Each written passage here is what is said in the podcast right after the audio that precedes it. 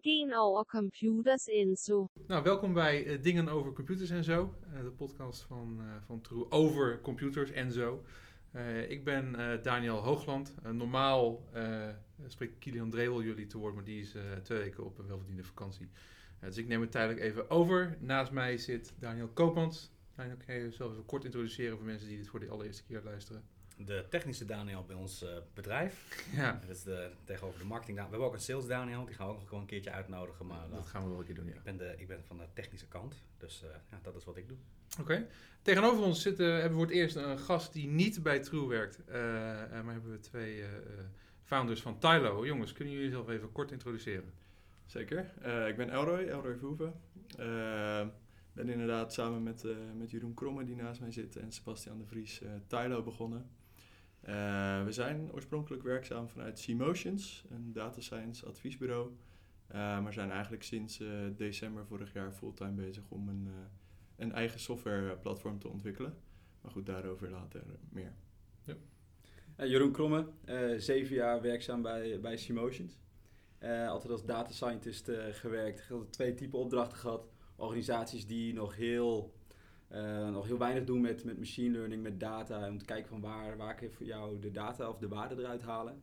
Eh, dus dat heeft eigenlijk alle facetten. Eerst eh, op zoek gaan van waar zit de waarde er dan in. Dan de algoritmes bouwen, data verzamelen. En vervolgens Mhm. zorgen dat die business cases ook uitkomen.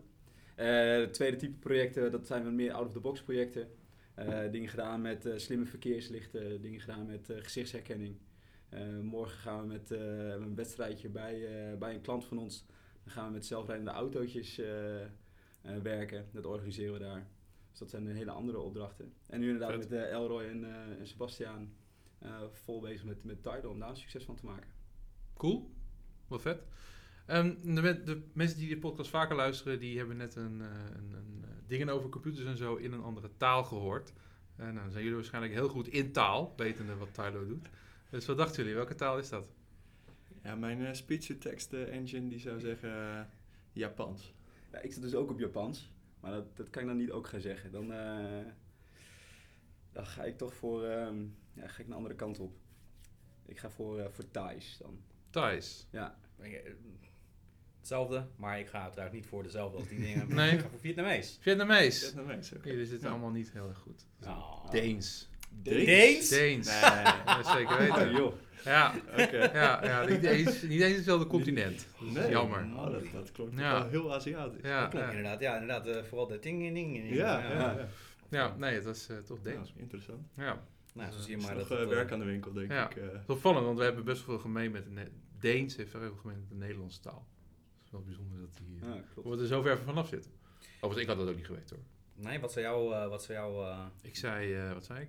Ik zei Russisch geloof ik. Russisch? Russisch. Dat is ook nog niet heel goed. Nou, zitten in ieder geval allemaal richting, eh, Ja. richting die kant Dat op. is heel niet goed, dat is iets dat Nee, zeker dat is. is, dat is- Ja, ik, ik heb een tijdje in Noorwegen gewoond. En dat, ja, de, de Deens zit een beetje tussen Noors en eh Zweeds eh, Ja. aan de ene kant en Nederlands, Duits aan de andere kant. Ja. een beetje tussenin. Maar ik had wel af, af en toe als ik dan door Noorwegen liep, dat je dan mensen hoort praten van, hé, volgens mij zijn het Nederlands. Oh nee, toch niet. Maar Nee. gewoon een beetje wel dezelfde intonatie. Ja. Ik heb die totaal niet uit kunnen halen. Nee, het is een beetje... Nee. Ik vond het ook... eh, Misschien, dat, eh, misschien dat het Google is, laten we daar even op. Ja, laten we... nee hoor, dit is gewoon hoe het is. Oh, is dat hoe het is? Dit is hoe het is. Oh, is perfect. Ja, tuurlijk is het perfect. Het Oké. is alleen, eh, ja, dat, eh, we hebben het gewoon wederom niet goed, maar dat is Nee. volgens mij onderdeel van het plan. eh.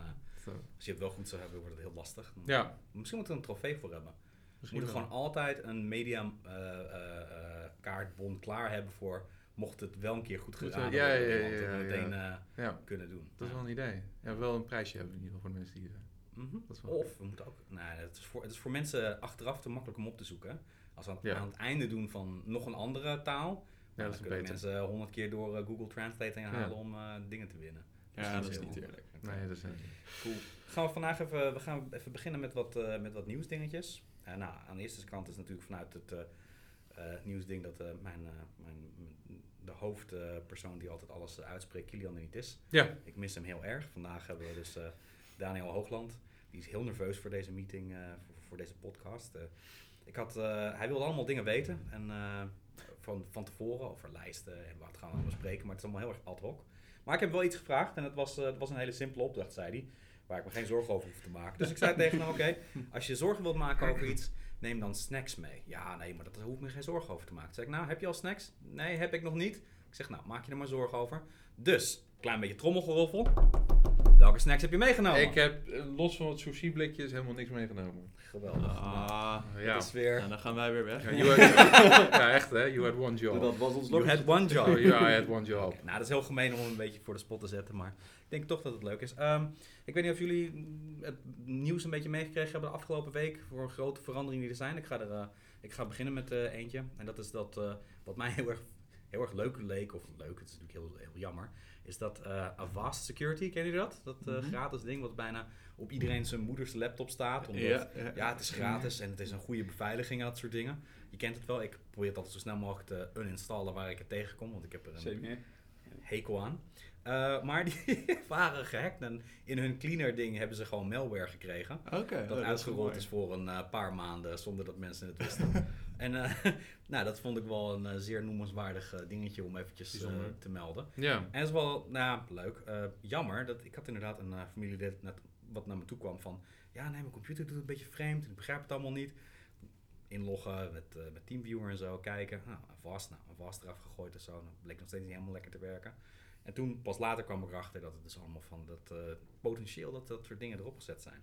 Heerlijk. Denk je dat je security hebt, heb je het als nog niet helemaal goed Maar geregeld. virusscanner, dat, dat is toch van een tijd voordat je Windows Defender had. Dat is toch allemaal niet, niet meer echt een ding. dat is, dat is, als je technisch bent, dan ga je er volgens mij... eh, Ik ga er redelijk vanuit dat Windows Defender prima is. Kijk, er is natuurlijk ook een stukje gezond verstand. Op het moment dat je eh, een mail krijgt van je bank met spelfouten... of Ja. eh, pillen voor performance enhancing eh, dingetjes... en die zeggen van ja, je moet alleen even je codes invullen op deze Ja. website... ja, dan doe je dat niet. Nee. Eh, maar goed, dat ben ik, dat ben jij. Nou, onze data scientists die zullen waarschijnlijk ook daar niet op klikken. Maar ja, er zijn vast wel mensen die denken van... wat, pillen voor performance enhancing? Yes! Ja. Waarom heb ik hier niet eerder van gehoord? nou ja, en als je dan gaat kijken van ja, mm, wat was nou de de facto standaard? Vroeger moest je dus wel virusscanning hebben. Ja. En- maar gebruiken jullie het nog? Hebben jullie nog een losse virusscanner? Ehm, nee, nee, eigenlijk niet. niet. Nee. Gewoon Windows Defender ook op eh, Windows Defender. en. Common Sense dus. En, Ja. ja. Vroeger Ja. was het altijd, eh, of Norton. Noord- ja, vroeger altijd nog. Kaspersky. Ski. Kaspersky inderdaad, ja. Maar Nee. dat is, eh, Nee, ja, dat nee, is van vroeger. Is niet meer oké. Nee. Malwarebytes misschien, Right. Ja. die nog wel. dat is weer maar dat, is, dat Hmm. heeft een iets andere functie natuurlijk, maar dat is misschien wel iets om, om af en toe een Ja. keertje te draaien. Maar nee, eh, dat is security dingen niet. Ehm, nou, laten we nog maar even met de security dingetjes blijven. Dat is dat eh NordVPN, die had een server die gehackt is. Oh, dat is Oh. ook leuk. Dat is, Ook dat Is, fijn. Dat is fijn. Dat is Ja, fijn als je dat is daar een server. Eh, Zit de je- VPN vertrouwt. Ja, nou ja, er wordt, ze zeiden dat de impact voor gebruikers minimaal is, want er wordt Hmm. quote-unquote niks gelogd. Dus ja, dan kan je ook niks ermee doen. Maar ja, het zou inderdaad wel kunnen zijn dat natuurlijk... eh, kijk, dat, dat mensen nog, dat hackers misschien niet weten waar je verkeer per se direct heen gaat voor auditing, prima. Maar je hebt nog wel dat als jij een encrypted verkeer ergens heen stuurt, waarvoor je juist je VPN-achtige dingen misschien gebruikt, dat je dan toch meer informatie te weten krijgt wat het is. Ik maak me niet Ja, zo ze heel veel zorgen. ongetwijfeld kunnen aftappen ergens. eh. Maar goed, dat NordVPN, dat zit echt overal tegenwoordig. Ook in alle YouTube-advertenties en dat soort dingen. Dus dat Ja. is wel Ja. een eh, kleine Ja. blow die er is. Maar dat, dat was dus, dus hackers konden dus zien wat de gebruikers naar een VPN-server stuurden die het dan weer verder het internet opstuurt. Ja. Dus dat was een beetje, oké. Je kon alleen lezen of kon ze ook nog wat dingen aanpassen in, in die feed? Als Ja, je alles, als je toegang hebt, hoe toegang tot een server, dan zou, zou je dat ook kunnen doen. Het is wel wat lastiger om natuurlijk meteen packet changes te doen, maar het is niet onmogelijk. En helemaal, het is relatief makkelijk om het te doen voor HTTP-verkeer. Ja. Maar goed, ik, het, het nieuwsartikel ging niet zo diep in over wat is er dan exact buitgemaakt. Ja, dat eh, damage Mm. control meteen was van ja, er is eigenlijk niet zoveel gebeurd. en dit en dat. precies. Maar goed, het feit dat dat soort dingen blijven gebeuren is natuurlijk altijd leuk. Ja, vaak over security noemen ze het ook expres niet, hè, om de volgende hacker niet te bemoedigen. Ehm het algemeen houden ze dat soort dingen redelijk dicht bij de, dicht bij de borst. Je moet natuurlijk wel mensen informeren vanuit AVG, maar over het algemeen eh, heel veel details eh, hoor je pas of heel veel later of eigenlijk niet. Oké. Maak jij je nog zorgen als je dit soort dingen hoort? Heb je een eh BitTorrent tracker Nee, met, nou ik heb wel een VPN ehm, eh, thuis, dus een, een, een service waar ik een, een abonnement op heb, moet ik eigenlijk zeggen. Ehm, die ik gebruik voor mijn, voor mijn thuis media server. Ehm, maar verder heb ik niet echt dat ik denk van nou, een, ben ik niet echt een groot gebruiker van VPN. Dan maak ik me ook niet per se heel veel zorgen. Ik bedoel, ja, dit kan er eentje zijn, maar. Ja, het is niet een reden voor mij om nu geen VPN's meer te, ge- te gebruiken. Oh nee, je bent nog steeds beter af met dan zonder. In eh, Ja, veel dat denk ik Volgens mij was het in de vorige podcast ook erg aan bod gekomen voor VPN. Dat het gewoon een extra klein laagje is waar je het mee is. Dus het is meer een tool. Het is niet, je moet niet 100% op vertrouwen. En wat wel bijzonder is in hun advertenties, maar goed, dit triggert mij, want ik ben marketing. Wordt het wel zo gebruiksvriendelijk neergezet dat iedereen het kan. In mijn optiek is VPN eigenlijk iets wat mensen doen die iets meer verstand hebben van techniek. Waardoor ze proberen Netflix-stream te kijken die ze eigenlijk niet zouden moeten kunnen, ja. kunnen, kunnen, kunnen- kijken. Maar dat zit mij wel zover in het technische domein. Dat ik denk van ja, dan ben ik weer toch best wel een tech-user zijn om dat te gebruiken. Maar in advertenties doen ze wel voorkomen alsof je zeg maar in de metro. De man in de metro staat dan met een telefoon en die kan het dan gebruiken. Heb je dat ook zo ervaren of is het... Ja, ik gebruik hem meer voor dat als je ergens anders bent en je maakt gebruik van een, een, een openbaar wifi-netwerk van een klant bijvoorbeeld. Ja, Ehm, dan gebruik je gewoon VPN, dat als je mails aan het versturen bent, dat je gewoon weet dat, er, dat het niet wordt meegelezen door ja, wie dan ook. Ja. Zo'n openbare netwerken, dat, dat, dat is dan, ik vind ik dan wat, wat, wat, wat tricky af en toe, maar bij Ja. sommige klanten word je gewoon op het gastennetwerk, wat open is voor iedereen, neergezet. Ja. Ehm, daar gebruik ik het wel voor. oké. En voor de rest, ja, als ik met zit te whatsappen op, eh, op, op 4G, dan Nee, ja. doe ik dat niet. Maar als thuis, je bent geen thuis-user van een VPN. Zo nee, nou, niet structureel eigenlijk. Nee. Nee. Niet structureel. Nou ja, soms dan heb je er wel aanstaan inderdaad. En, Oké. Hmm, hmm. Oké. Ja. Blijven we nog even bij wat security en privacy dingetjes. Eh, Firefox 70 is ook gereleased. En daar hebben ze dus nu hun privacy report dashboard. Omdat dat privacy, dat blijft... eh, vroeger was gewoon alles tracken, alles prima. En tegenwoordig gaan steeds meer mensen zich daar zorgen over maken. Ja, heel vervelend. Ja, voor jou wel. Ja, Jij maar bent wel, een ja. marketeer, dus je wil Ja. weten wie komt waar en wanneer. Ik vind die cookies heel erg fijn, ja. Ja, Ja. Gebruiken jullie Firefox of Chrome of Chrome. Firefox. Oké. Hm. Wat gebruik jij dan? Brave? Brave. Oeh. Het is op basis van Chrome is het nu. Eh, Ja. Maar die, die blokkeert, blokkeert in feite gewoon alles. Dus alle cookies, alle Hmm. eh, reclames, eh, dat zit er eigenlijk al standaard in.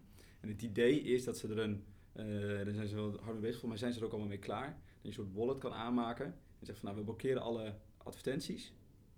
Maar dat je een soort blockchain wallet hebt en dan op basis van je eh, kijkgedrag en dat je zelf een beetje kan beslissen, oh, dan krijgt die zoveel van mijn, wat ik op mijn wallet heb staan. Oh, dat is wel een interessant Dus concept. wel, ja, ik vind het concept wel heel, heel Ah, oké. Dat is interessant. wel interessant, ja. Dat wist ik eigenlijk niet. Want ik gebruik hem ook. Maar meer ook omdat hij HTTPS forceert. En eigenlijk alle niet-HTTPS verkeer, dat blokkeert hij sowieso standaard. Dus al die ingeladen scripts en dergelijke, die, eh, die worden er direct uitgefilterd. En dan kan je ook wel. niet omheen. Kan je niet zeggen van, oké, ik wil hem toch zien. Dat kan, dat kan. Oh, dan moet je het expliciet aangeven dat je Ja, wel. HTTP-content eh, wil zien. Ja. Maar goed, ja. Oké. Liever niet. Ja, het is wel een... Ik vind het wel... Kijk, Google gaat het natuurlijk nooit doen. Dus in Chrome hoef je dit niet te, ver- te, te verwachten. Want dit is een allergrootste source van inkomsten. Ehm, dus ik verwacht niet dat, soort, dat Chrome dit standaard gaat doen. Maar het is wel een... Nou ja, eh, en vanuit marketing is het wel een bedreiging. Want dit is wel de, de grote kurk waar marketing, waar heel veel online marketing op draait. Ehm, het kunnen tracken van mensen. En niet alleen als je een formuliertje invult, maar ook daarna. En ik snap dat die cookie pop-ups super irritant zijn.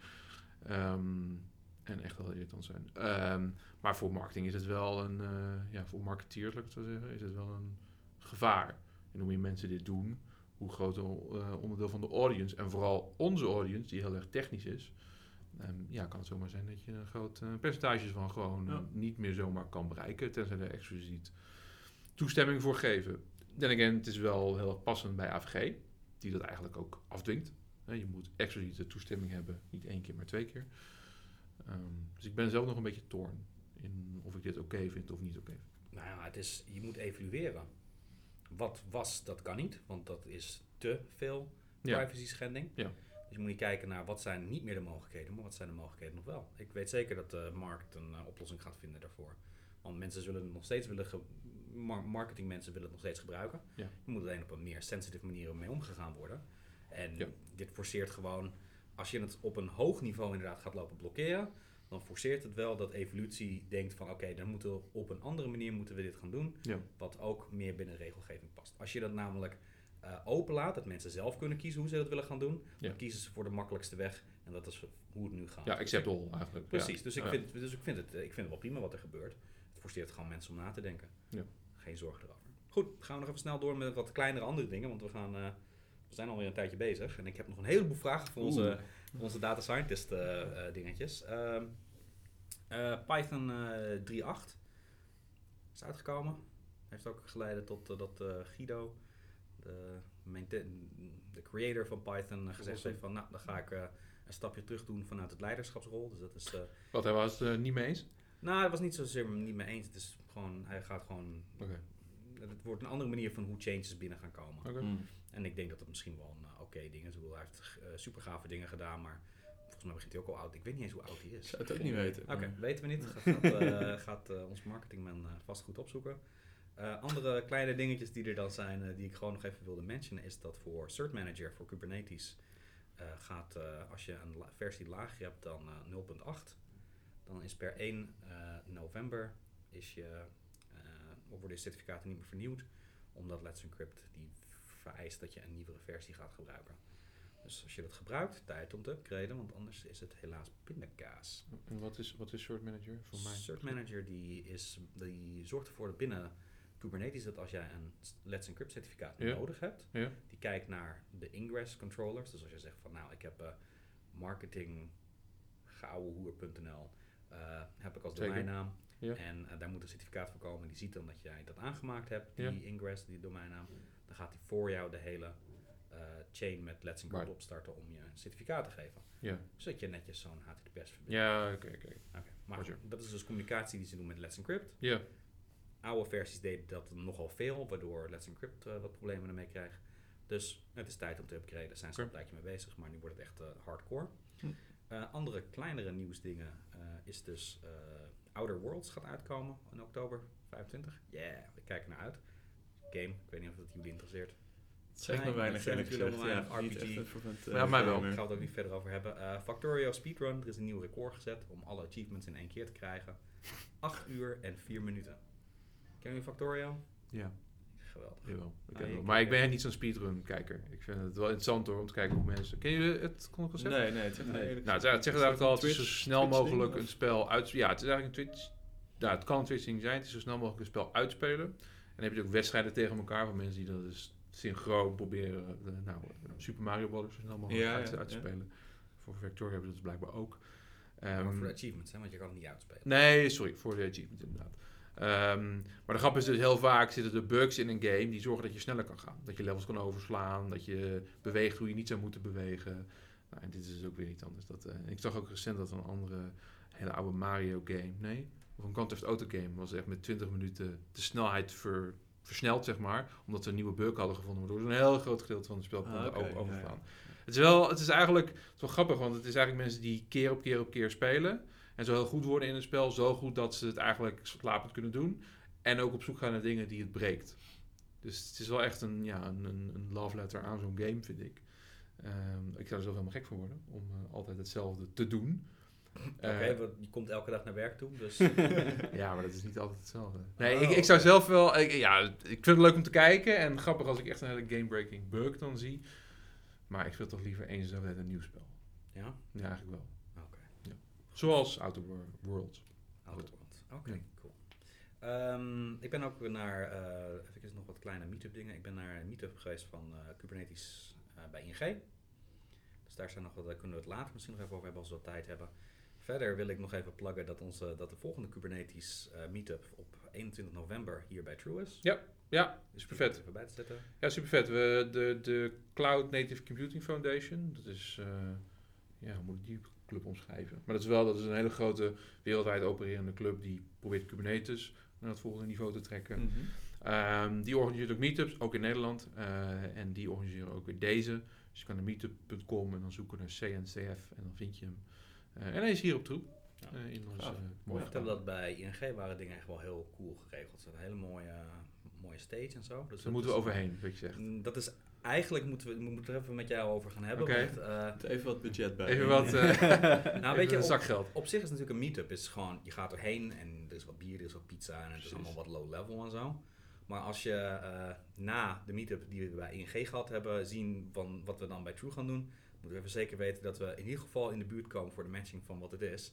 De eerste meetup die we hier gehad houden voor ehm, de Kubernetes meetup ding, dat was echt super succesvol. Ja. Was er super go- goed geregeld. Als we dat zo doen, Trump. Maar we moeten even kijken wat het is. Want wie, wie is het publiek ervoor? Zijn er echt techneuten? Ja.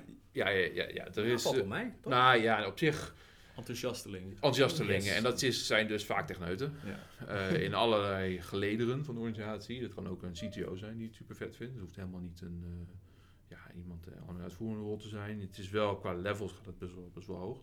Ehm, je ziet ook omdat het Nederland is, ook heel veel buitenlandse mensen die naar Nederland komen om als developer aan de slag te gaan en daar dus weer geïnteresseerd in, in zijn. Ehm dat ook de reden is omdat we het ook vaak in het Engels doen. Ehm, maar ja, zeker, het is een hele interessante doelgroep en ook een ontwikkeling die wij wel heel warm, dus wij is True, een heel warm hart toedragen. Ja, het is leuk. Talk van eh, onze vrienden bij Loetsen. En een security talk over CICD. Maar goed, ik ga het volgende week wederom weer pluggen. Want net Ja. zo lang totdat, we, totdat mensen denken, hebben we het er nou alweer Ja, over. ja. Maar dat is het dus. Je En er moet was het ook nog een event voor een partnerdag. Een partner-event van Peter. Is dat zo? Mm, nou, ik had gehoopt dat ik hier nog een detail ervan. Maar het is me ontglipt, dus die gaan we dan ook gewoon Nee. even overslaan voor de volgende keer. Voor, voor, voor Kubernetes ga naar meetup.com en zoek op Cloud Native Computing Foundation. En je vindt hem. Of hij staat in de beschrijving van onze podcast. Dat mag ook. Mag ook. ja, precies. Oké, nou, dan gaan we het eh, nu eventjes hebben met onze grote vrienden van eh Elroy en eh, Jeroen van, van, van, van Tylo. Eh, ja, ik, ik moet altijd even nadenken van, ga ik nou C-Motions zeggen of Tylo?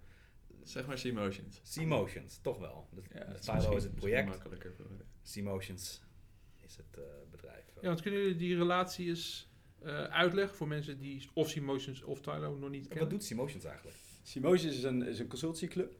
En eigenlijk doen we alles met en rondom data. Dus we hebben ook zes eh, expertgebieden in feite. Eh, BI en visualisatie, eh, advanced analytics, eh, strategie en, en data, data governance. En een van die eh, zes is ook data science en artificial intelligence. Mhm. Daar zijn wij ook onderdeel van. Ehm, dus dat is eigenlijk wat, wat Simotions doet. Dus wij, wij leveren consultants op eigenlijk alle niveaus voor allerlei, voor de top 200 bedrijven in Nederland eigenlijk. Hoe moet ik me dat voorstellen? Ik ben een, ik ben een bedrijf. Een top Waarvoor- 200 bedrijf. Sorry? Een top 200 bedrijf. Oké, ja, uiteraard. Ik ben een top 200 bedrijf, Yes. sterker nog top 10 bedrijf. Ik heb data. Nou, wat zullen we doen? Oké, ik ben eh, een, een, een, een soort van paté-achtig ding. Ik heb heel veel eh, films, ik heb Ja. kaartjes, ik doe online sales daarvoor. Mhm. Dus ik heb data. Wat kan C-Motions voor mij betekenen? Nou, een vraag die we, die we regelmatig krijgen is: ehm, ik wil machine learning of ik wil big data of Ja. zo'n soort vraag. En dan help mij hiermee. Dus dan is het eigenlijk de eerste maanden ben je dan bezig van ja, wat, wat versta je überhaupt onder machine learning en hoe Ja. kom je bij deze vraag? Ja. Maar vooral wat is de vraag achter jouw vraag? ja. Dus wat, wat wil je nou eigenlijk? En dat is heel erg verschillend. En dat is echt een heel erg leuk, leuk proces om daar achter te komen. Dus we hebben bij een van de klanten die kwam naar ons toe. en Die zei inderdaad van ja, eh, ik wil machine learning. Kan je dat voor ons bouwen? Dus ja, kan wel, maar wat, wat wil je er dan mee? Ja. En toen eh, het duurde echt eigenlijk anderhalve maand voordat we echt erachter kwamen van wat, wat willen ze nou? Ja. En het was, ze waren bezig met een reorganisatie. En die marketing intelligence manager had geen echte data scientist in dienst. Ze maakte dashboards voor andere afdelingen, zodat ze daar eh, inzichten kregen uit de data. Maar hij kon niet aangeven, oh, met dit dashboard, dat scheelt jou 100.000 euro. Dus hij kon Ja. zijn eigen waarde van zijn afdeling niet goed laten zien. Ja. Dus wat wou hij? Hij wou, een, een, een, hij wou laten zien hoe belangrijk data is en hoe belangrijk zijn afdeling was. Ja. Zodat daar geen ontslagen gingen vallen, want 30% van het personeel moest eruit. Dus daar, hebben we, daar was eigenlijk het doel om gewoon een hele goede business case te maken. Ja. Wat de waarde van data voor jouw partij laat zien, zodat jouw eigen mensen ja. een baan blijven behouden. Maar is dat waar jullie starten met een soort ontvlechten van de trend of wat iemand denkt gehoord te hebben en, en die, vraag, die vraag proberen te ontfutselen? Zeker, dat, dat, dat is eigenlijk altijd wel eh, het startpunt. Ja. Daar hebben we ook wel eh techniek en frameworks voor om, om, om te kijken van nou, wat, wat werkt, waar zit voor jou waarde in Mhm. en hoe halen we dat vervolgens uit. En voor mijn eh, eh, filmbedrijf, wa- wat zei, moet Ja, ik met je- die vraag komen of, komen je- of helpen jullie daarbij van hoe kunnen we het efficiënter en mooier maken? Eigenlijk gaat het al een beetje. eh, het, het mooiste zou zijn als je dus een top-down de vraag komt. In praktijk komt ook heel vaak voor dat bottom-up de vraag komt. Dus wij zitten ergens en we zien in de data hele ja, mooie potenties. Mhm. Dan kaarten we dat aan en dan helpen we om die potentie eh, Ja. eruit te halen. Nou, de reden waarom ik het vraag is omdat ik werk dus bij, eh, met, met heel, veel, heel veel data. Eh, maar het is voor mij niet altijd eh, helder van hoe zou ik nou met deze data op machine learning iets nuttigs kunnen doen. Ehm, en omdat het niet voor mij heel helder is om dat in één keer te doen, zou ik misschien niet in één keer denken van, oh, ik heb heel veel data, laat ik er iets mee gaan doen. Laat ik bijvoorbeeld naar een partij als Emotions gaan om daar informatie over te krijgen. Eigenlijk, wat, wat, wat ik begrijp uit je verhaal, is dat je eigenlijk al een beetje een idee moet hebben van wat je met je data wil doen. Maar wat als ik veel data heb, maar ik weet eigenlijk nog niet wat ik ermee moet doen? Ja, we krijgen dus heel vaak de vraag van wat moet ik met mijn data? Ah, Dus dat is al heel vaak de, de vraag waarop wij, wij binnenkomen van ja, ik weet niet wat ik met mijn data moet doen. Ja, Eh, help mij daarmee. En voor een, een aantal partijen is dat, eh, is, is dat meer richting data science. Maar wij krijgen bijvoorbeeld ook heel veel eh, opdrachten op data governance binnen.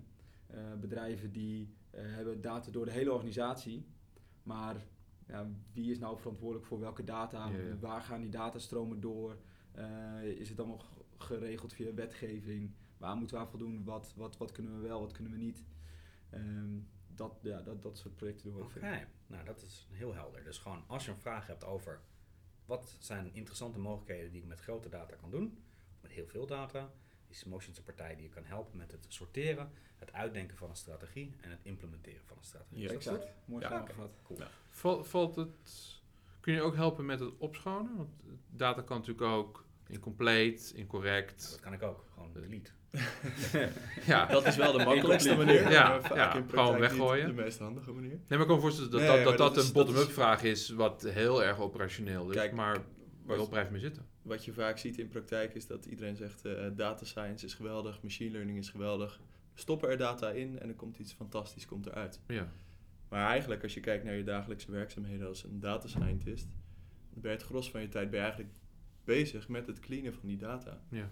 En het modelleren is eigenlijk best een klein deel van je, werkzaam, Mhm. van je werkzaamheden. Eh, en juist het opschonen, het, ehm, nou, de vraag moet je iets deleten, moet je iets niet deleten. Ja, heeft natuurlijk impact op, eh, op de verdere analyses en modellen die, je- die je gaat maken. ja. Eh, dus dat is een essentieel onderdeel van het Ja. hele traject. Oké. Ja. Oké, dus jullie hebben dat lopen opschonen, want dan gaan we een klein sprongetje maken naar Tylo. Mhm. Dat is dus een eh, product wat jullie aan het ontwikkelen zijn. En eh, nou, maak er maar een kleine sales pitch voor. Dan hebben we gewoon alle marketing dingen even gehad. En dan kunnen Hoezo? we Gehad. in, in-depth dingen... Ja, dit is namelijk gewoon een podcast voor om informatie te vergaren. ik niet weet het, ik zozeer weet om, het. ik weet om het. advertenties dingen te doen.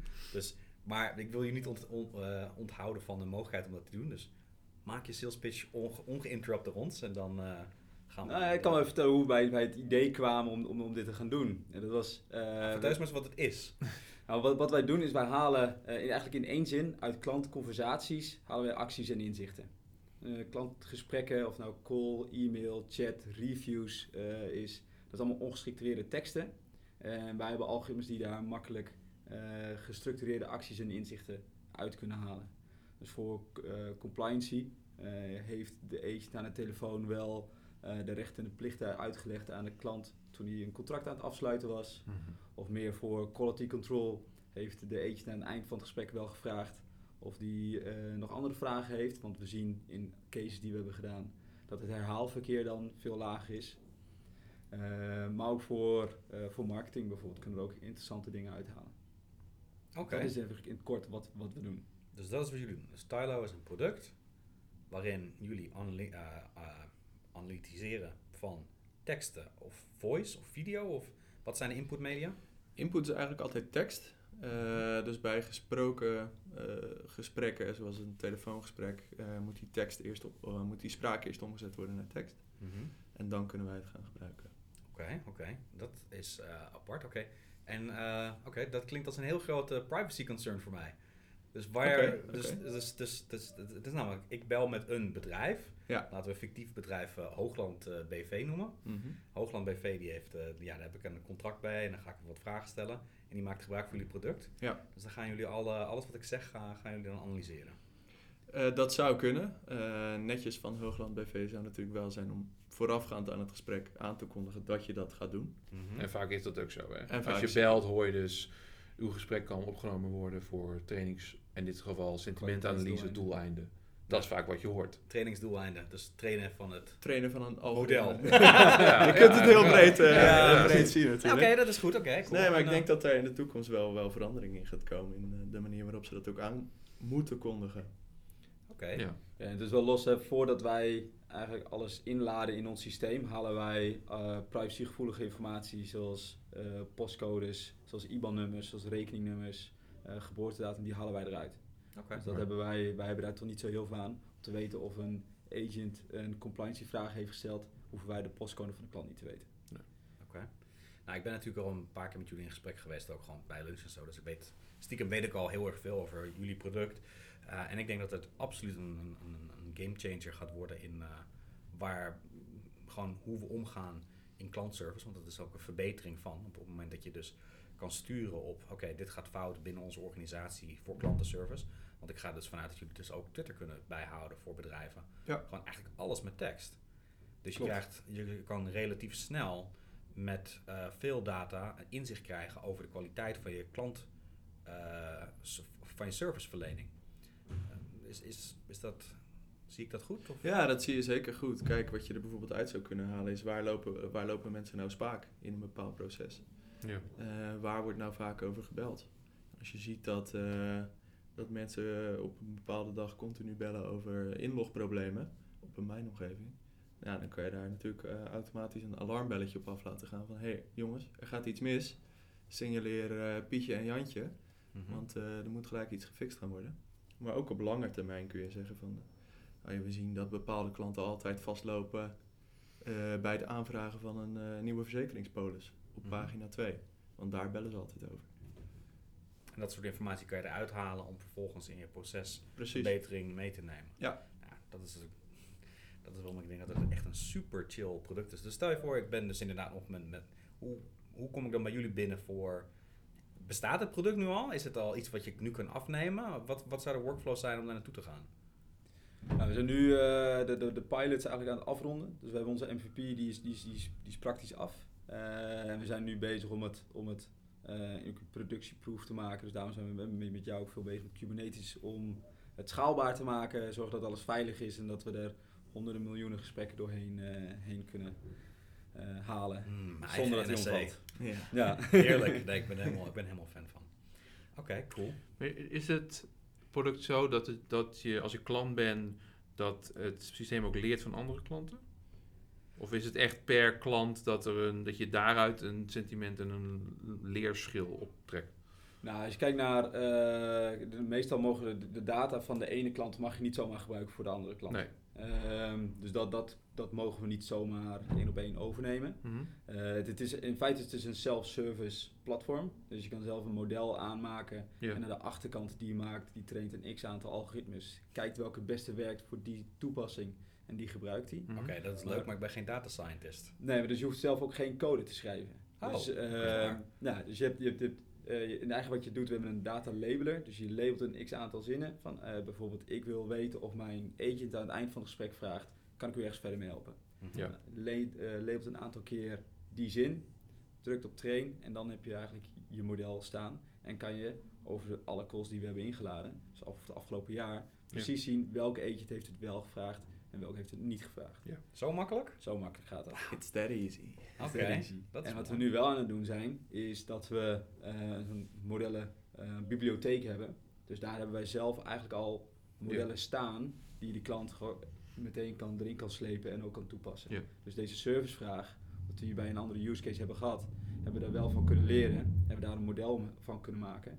En nu is het voeg toe en hij zit erbij en kan je het in één keer Ja. eh, alles inzicht in Nice. krijgen. Maar daar zit die data van die klant zit daar niet in. Alleen de Nee. training. Ja. Oké. En in hoeverre kan, want je bent dus, eh, het systeem moet dus input krijgen van andere bronnen, andere C-systemen. Zijn jullie daar ook aan het ontwikkelen om die koppelingen uit te breiden? Want er zijn natuurlijk heel veel verschillende chat tools, VoIP tools, CRM, e-mail, chat, eh chat zei ik al, eh, WhatsApp bijvoorbeeld.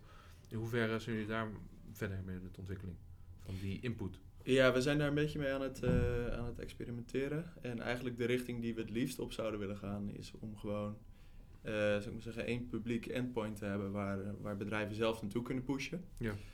Dus daar heb ik ook met Daniel over gesproken hoe je, hoe je zoiets zou moeten inrichten.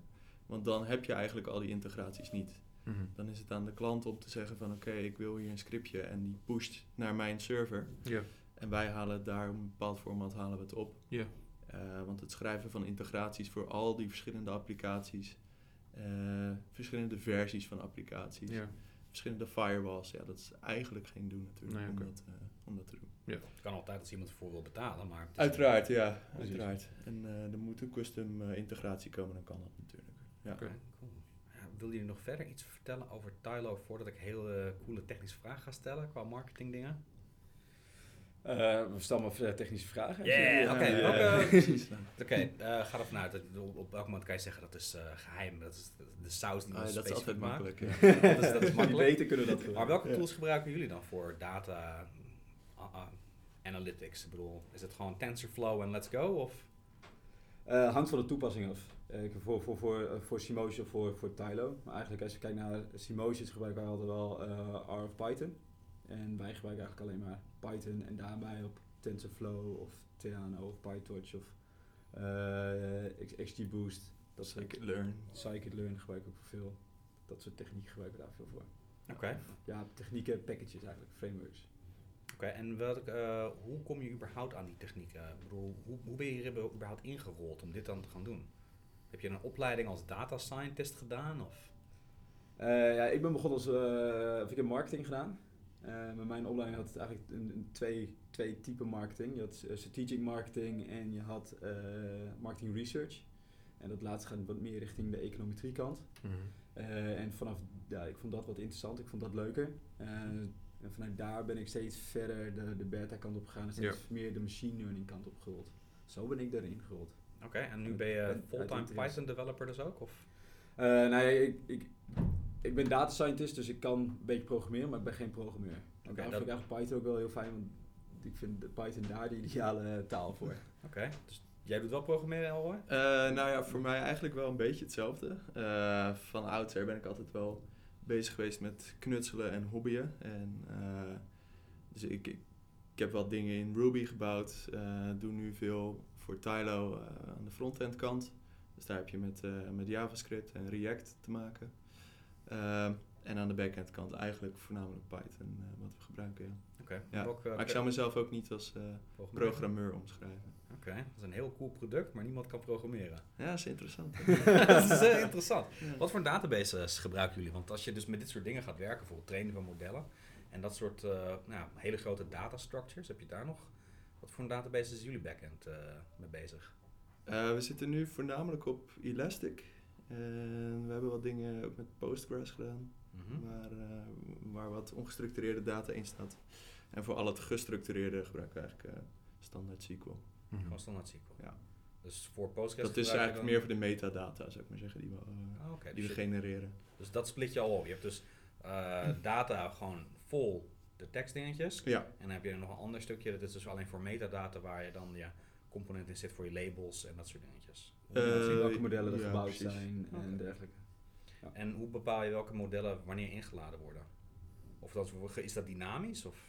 eigenlijk eh, bepaalt eh, de klant welke modellen er gemaakt worden. Eh, maar welke algoritmes we gebruiken, eh, dat bepalen wij aan de achterkant. Oké. Dus op het moment dat een klant zegt van nou ik wil nu een nieuw model, Ja. dan wordt gewoon onze backend aangeroepen. En daarin eh, worden verschillende methodieken en algoritmes eigenlijk naast elkaar gelegd. Geëvalueerd. En dan wordt er gezegd van nou dit model is voor deze toepassing eigenlijk het beste. En doe je dan ook het retrainen van het hele model? Eh, dat, ja, dat kan ook. Hoe lang Eh, duurt dat dus de gebruiker kan dat zelf doen, eh, maar dat kan ook gewoon op interval. Oké. En, Ja. en hoe lang duurt het ongeveer? Of ligt het aan Ja, dat is echt afhankelijk van je dataset. ja. Oké, maar het kan van, van een paar minuten tot een paar uur variëren. Oké, stel mijn dataset is 10 giga raw tekst. Hoe lang Ja. zou dat duren? Poeh. Of hebben jullie nog niet zo'n grote use case gehad? Of klein? Eh, Ik weet- ik- ik nou, voor, het, voor het trainen hebben we dan eh, zoveel data nog niet nodig. Aha. Eh, voor het uitscoren, als je 10 giga aan uitscoren hebt, dan dat, dat gaat best wel snel. Eh, daar, daar zit je niet aan, aan uren te denken. Meeste trainen van het, trainen en uitscoren van de, alle pilots die we nu hebben gedaan, dan moet je denken aan vijf minuutjes. Wauw. Cool. En Ja. maakt Trull gebruik van jullie techniek? Nog niet. Dat eh, lijkt me een uitgesproken zaak om daar eh, wat meer vaart uit te zetten. Dat, dat lijkt mij ook. Want ja. dat lijkt me hartstikke interessant, namelijk ook gewoon voor onze eigen customer service, om te Ja. kijken van Ja. hoe we dat zouden Ja. kunnen doen met Zeker. onze tickets. Ja, en het ticketing systeem dat Ja. jullie hebben. Dat, eh, Hoe, ehm, hoe rapporteer je die learnings? Want het systeem geeft dus wat suggesties, neem ik aan, of laat dingen zien. Hoe, zit, hoe zie ik dat als klant?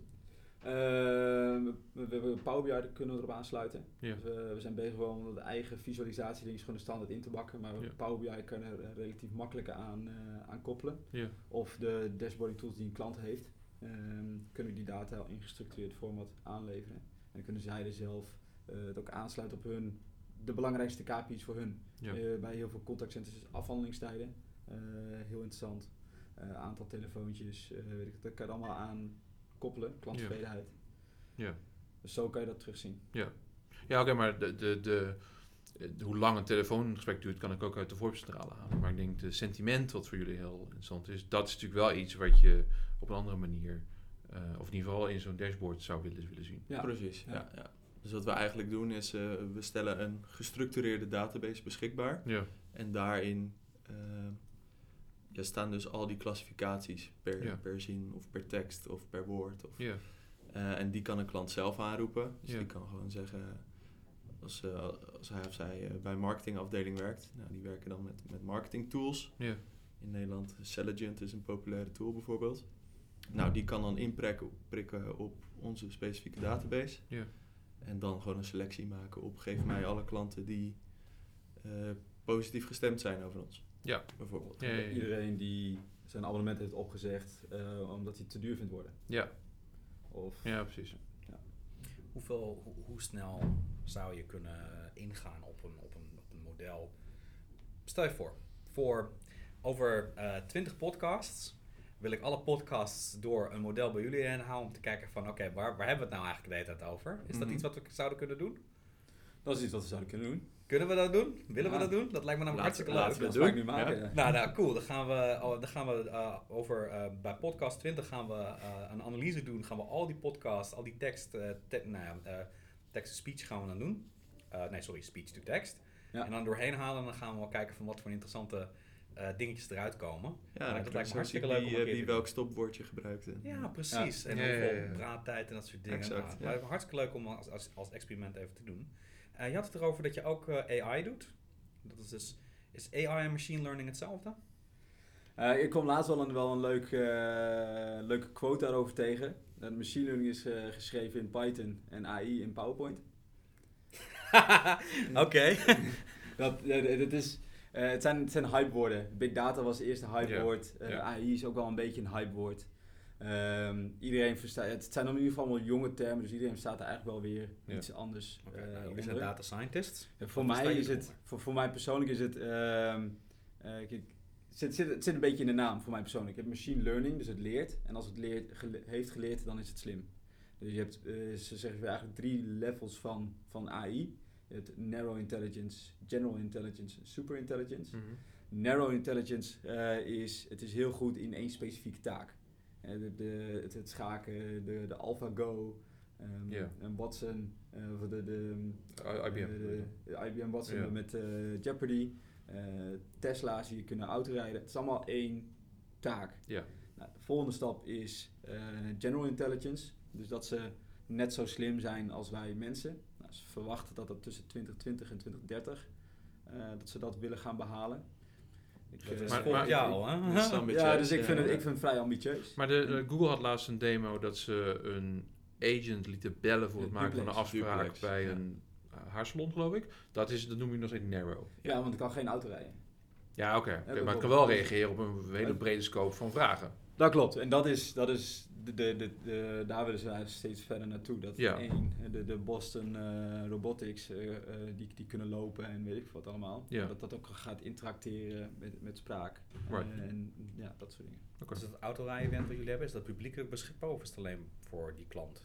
Sorry? Dat jullie gaan naar een eh, eh, AI eh, auto drive dingetje. Ja, Dus voor eh, RC's ga ik even vanuit, dus remote control Ja, autootjes. ja remote control. Is dat open voor iedereen om te joinen? Of? Eh, volgens mij staat dat op mijn GitHub. Oké, maar naar het event waar je heen gaat.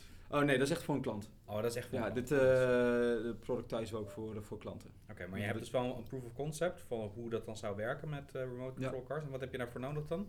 Eh, nou, het begon allemaal met eh, een paar jaar geleden een, een, een, een autootje van mijn, die mijn broertje s- tw- 20 jaar geleden voor zijn verjaardag een keertje heeft gekregen. Die heb ik allemaal uit elkaar gehaald en wat aan zitten solderen. Nou, ik heb geen verstand van elektriciteit, dus dat was behoorlijk trial and error. Ehm, maar ik heb daar een cameraatje op kunnen krijgen en eh, met, met mijn laptopje op een Raspberry Pi trainingsdata kunnen verzamelen en vervolgens kunnen gaan trainen. Oké, en, Sowieso is het begonnen. en daar heb jij een eerste stap voor. Dus als ik zelf zoiets zou willen doen, dan heb jij een GitHub eh, plaats waar ik meteen kan beginnen. Copy-paste en let's go en let's drive en dat soort dingetjes. Precies. cool. Waarom ga je niet zo'n eh, event organiseren hier bij True dan, om eh, dat soort dingen te doen? Lijkt me Nou, ik leuk. dat dat een leuk idee is om keertje te doen. wel leuk Ik, eigenlijk. bedoel, ik weet eigenlijk heel weinig van ehm, AI en, en machine learning. Het is iets waar ik wel heel veel interesse in heb. Eh, omdat ik ook heel veel data heb waar ik iets zou, mee zou willen. Maar ik vind het heel moeilijk om een entry point te vinden van... wat is nou een goede, een goede methode om te beginnen met machine learning en dat soort dingen. Wat zouden jullie aanraden? Nou ja, in ieder geval eh, pak een probleem wat je fascineert, zou ik zeggen. En eh, definieer gewoon wat je eruit wil halen. En dan met vallen en opstaan kom je er vanzelf wel. Maar je moet je wel ergens op gaan focussen. Dus als jij zegt, nou ik heb gigantisch veel logs in mijn, eh, door, door, door mijn Kubernetes clusters heen gaan. En ik wil daar, weet ik het, uitschieters uithalen of iets dergelijks. Ja, dan is dat een specifiek probleem wat je met eh, machine learning aan kan gaan pakken. Wat zijn de beginners tools om mee te beginnen? Eh, dan zou ik zeggen Python. Je ziet, eh, nou ja, wat Jeroen al zei, R, Python, dat zijn eigenlijk de twee meest gangbare talen voor dit soort analyses. Maar Python is wel, die neemt wel echt snel over van R. En je ziet heel veel bedrijven ook switchen van R naar Python de laatste nou, tijd. Python, moet voor jou ook wel Maar wat, goed heb te ik, doen zijn. Wat, heb, ik- wat heb ik nog meer nodig om dat te doen? Python alleen is niet genoeg. Nee, eh, Google gaat je, gaat je heel ver helpen. Stack Overflow gaat je heel ver helpen. Oké. Eh, misschien Je iets bedoelt, van het, je het googlen van issues. het googlen van issues. Maar er is geen softwarepakket zoals TensorFlow. dat je Zeker zegt, wel. Dat is goed. Ja, ja, ja. Of PyTorch. Of Ja, ehm, TensorFlow kan je zeker helpen, maar TensorFlow heeft wel een redelijk steile leercurve. Dus je zou bijvoorbeeld eerst kunnen beginnen met scikit-learn. Dat is iets laagdrempeliger. Ehm, en pak daarbij gewoon zo'n zo'n course van eh, Coursera of eh, EDX of zoiets. Ja. Weet je wel, zo'n massive online, eh, online course. En eh, zoek daarin naar outlier analysis in dit specifieke geval. Oké, En ga gewoon aan de slag. Ja. oké. En jullie hebben... eh, Nou, oké. Ja, dat is... Ik ga het Just gewoon do doen. it. Ja, Gewoon- ja, gewoon Just doen. do it. Gewoon doen. Nou ja, ik was dus een keertje begonnen met TensorFlow. En zoals je al aangaf, die learning curve om daarmee te beginnen, vond ik redelijk stijl. Ja. En al helemaal als je dus met eh, meerdere fases van modellen gaat lopen werken. Voor het eh, trainen en hashen van al die dingen. Dat was voor mij gewoon meteen van... Wat? Ja, ja, ja. maar hoe heet in dat pakket waar je mee moest beginnen zijn? Eh, je kan met scikit-learn Oké. kan je beginnen. En eh, ja, kijk, waar, waar TensorFlow op ingesteld is, is vooral de neurale netwerken, deep learning netwerken. Ehm, maar machine learning is veel breder dan dat. En je hebt niet altijd een neur- neuraal netwerk nodig om een probleem op te lossen. En je kunt daar ook een, een, in dit geval een simpele tijdseries analyse op loslaten, waar je al een hele hoop mee kunt. En vanuit daar kun je verder gaan bouwen. Dan kun je zeggen van, nou oké, eh, ik heb nu zoveel verstand van het analyseren van time series data, dat ik eens ga kijken of een neuraal netwerk me daar ook bij kan helpen, of beter bij kan helpen. Maar het zou niet je eerste entry point moeten zijn. Nou, dat is exact de informatie waar ik eigenlijk naar zocht. Want als ik namelijk denk aan machine learning, dan denk ik meteen aan TensorFlow. Dat is namelijk het eerste wat naar boven komt. Ja, Als je geeft, ja, maar dat is dus redelijk wel. dat is ook een deel van de hype eigenlijk. Veel Ja. beter. Oké. Nou, Ja, dat is zijn ja, interessant. ja, noemen we dan de klassieke eh, machine learning technieken. Die geven ook wat meer prijs in wat voor patronen zijn er nou eigenlijk gevonden. Eh, deep learning is op de black box models. Je weet niet wat hij dan heeft gevonden. Natuurlijk, je hebt wel tools om daar wel nog wat achter te komen. Maar de klassiekere machine learning technieken. eh, vaak zijn het ook black boxen, maar het is iets makkelijker om onder de motorkap te kijken van welke patronen zijn er nou eigenlijk gevonden.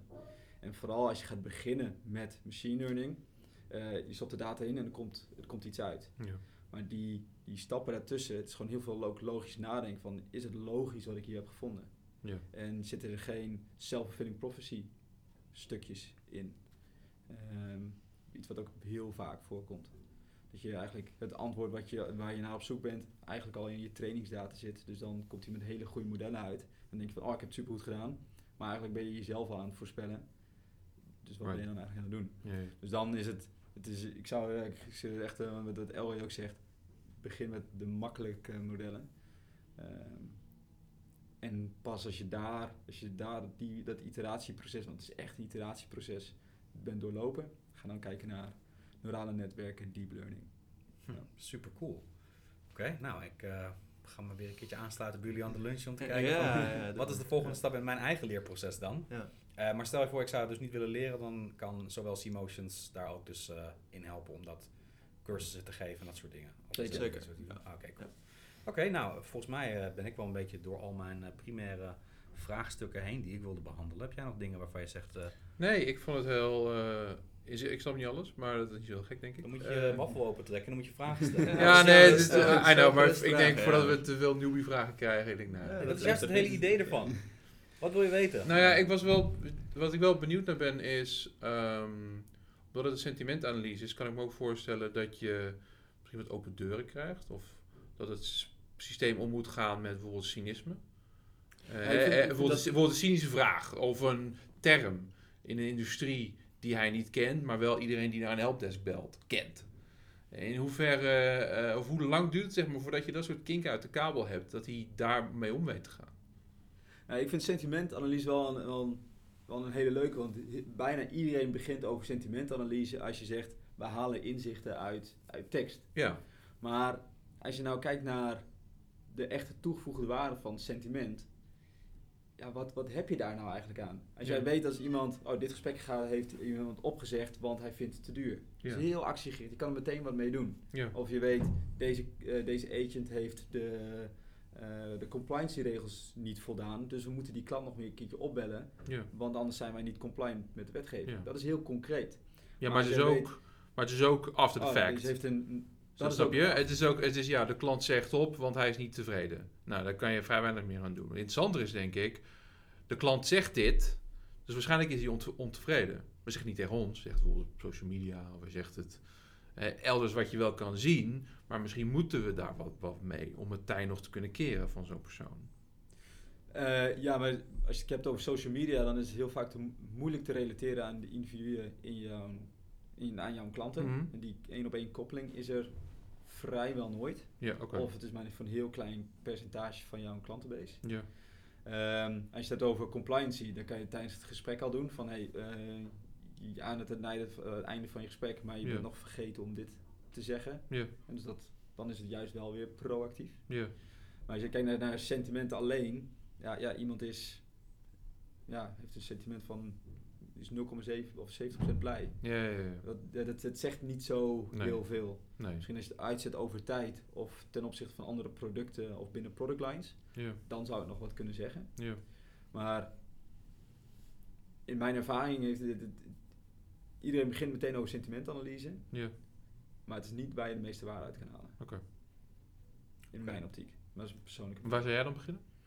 Ik zou inderdaad beginnen, we eerst kijken van naar wat, wat, wat, wat zijn knoppen waar ik ook aan kan, kan, kan draaien. En, Ja. en als ik die weet welke, aan welke knop ik kan draaien en ik weet wat het effect is op mijn doelstellingen of de bedrijfsdoelstellingen, Ja, daar zou ik gaan beginnen. Dus ik zou eerst kijken van wat, wat, wat, wat wil je? Wat, wat, wat, wat, wat is voor jou echt een probleem? ja, En voor heel veel energiemaatschappijen is compliancy gewoon echt een probleem. Voor de Ja. bankaire sector is het ook echt een probleem.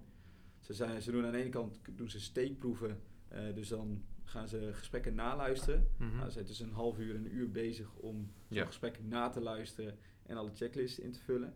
Nou, ik kan het niet voor al die gesprekken doen, dus het zijn steekproeven. ja, En dan kan je, ja, je kan niet 100% zeggen naar de overheid van, of naar de wetgeving, hey, ik heb voldaan aan al mijn compliance. ja. Kun je Ja, met precies. zoveel ogen zeggen. Nee. Hmm, oké. Maar dat zou dan- En daar kunnen enorme boetes aan hangen. Ja, ja, ja, ja. Dus ja. dat is bijvoorbeeld een, echt een probleem voor een bepaalde sector, wat Ja. je dan kan oppakken. Oké. Logisch, dat snap ik. De laatste vraag eh, van mijn kant dan. Eh, wat is next voor jullie? Hoe gaat het platform, het dienst zich verder ontwikkelen? Wat, kan je, wat mag je al zeggen? Eh, ja, kijk, wat Jeroen al zei, we zitten nu zitten we aan het einde van de MVP. Dus what's next is in ieder geval het structureel bouwen aan een, aan een platform wat we ja, bij, de, bij de grotere jongens neer kunnen gaan zetten, wat schaalt, wat veilig is, wat robuust is. Ehm, nou, dat willen we eerst in Nederland gaan doen en dan eh, kunnen we, als we dat eh, veroverd hebben, wel eens eh, kijken naar buiten de landsgrenzen. Hebben jullie Ja. nog verder dingen die jullie willen melden? Of gewoon leuk vinden om over te hebben? Ehm, nou, ik zag wel weer iets interessants. Ik, ik kijk 's ochtends altijd op eh, VentureBeat. Eh, Zo'n website heeft veel AI-nieuwtjes bijvoorbeeld. Mhm. En daar zag ik wel weer iets grappigs. Dat waren onderzoekers in Canada. En die hebben dus ehm, eh, geluiden in de oceaan opgenomen. En door een deep learning model heen gegooid. En die kunnen nu dus groepen haring detecteren. Ja. Wat je er precies aan hebt, dat weet ik niet. Maar ik vond het wel een Als je haringvisser bent, is het wel interessant. Ja, dus je, weet in ieder niet geval waar de scholen zich bevinden. Dus ja, ja, ja. kun je er misschien actief op gaan vissen. Ik weet niet of we daar blij mee moeten zijn. Dus niet alleen dat, maar je kan dus ook snel een populatie-inschatting maken voor... Ja, oké. Gaat het meer of minder ja, haring in de ja, zee misschien dat Ja, je wel, eh, wel Ja. daar iets over kunt Ja, zeggen. Bijvoorbeeld Ja. de gezondheid van de oceaan op verschillende Ja. plekken. Ze dan ook zo kunnen doen voor plastic en waar het is. En hoe ze het Ja, Ja, plastic, plastic maakt misschien minder geluid, hè? Maar wie weet. Hoezo? Je hebt toch, als je echt gewoon Ja, eruit elkaar- Wrijving dus, of eh, zo van Nou ja, plastic, ja. Of je moet gewoon genoeg sonar hebben natuurlijk. Ja. Oké. Dus, Eh, ja. Ja, nee, ik, eh, dat, was dan, dat was dan de podcast. Jongens, heel erg bedankt. Bedankt voor jullie eh, aanwezigheid. ja, graag En, gedaan. eh, Daniel, jij ook bedankt dat jij mij als eh, guest host even hebt willen entertainen en willen helpen. En eh, nou, tot de volgende keer bij Dingen over Computers en zo. Doei doei. Doei doei. doei.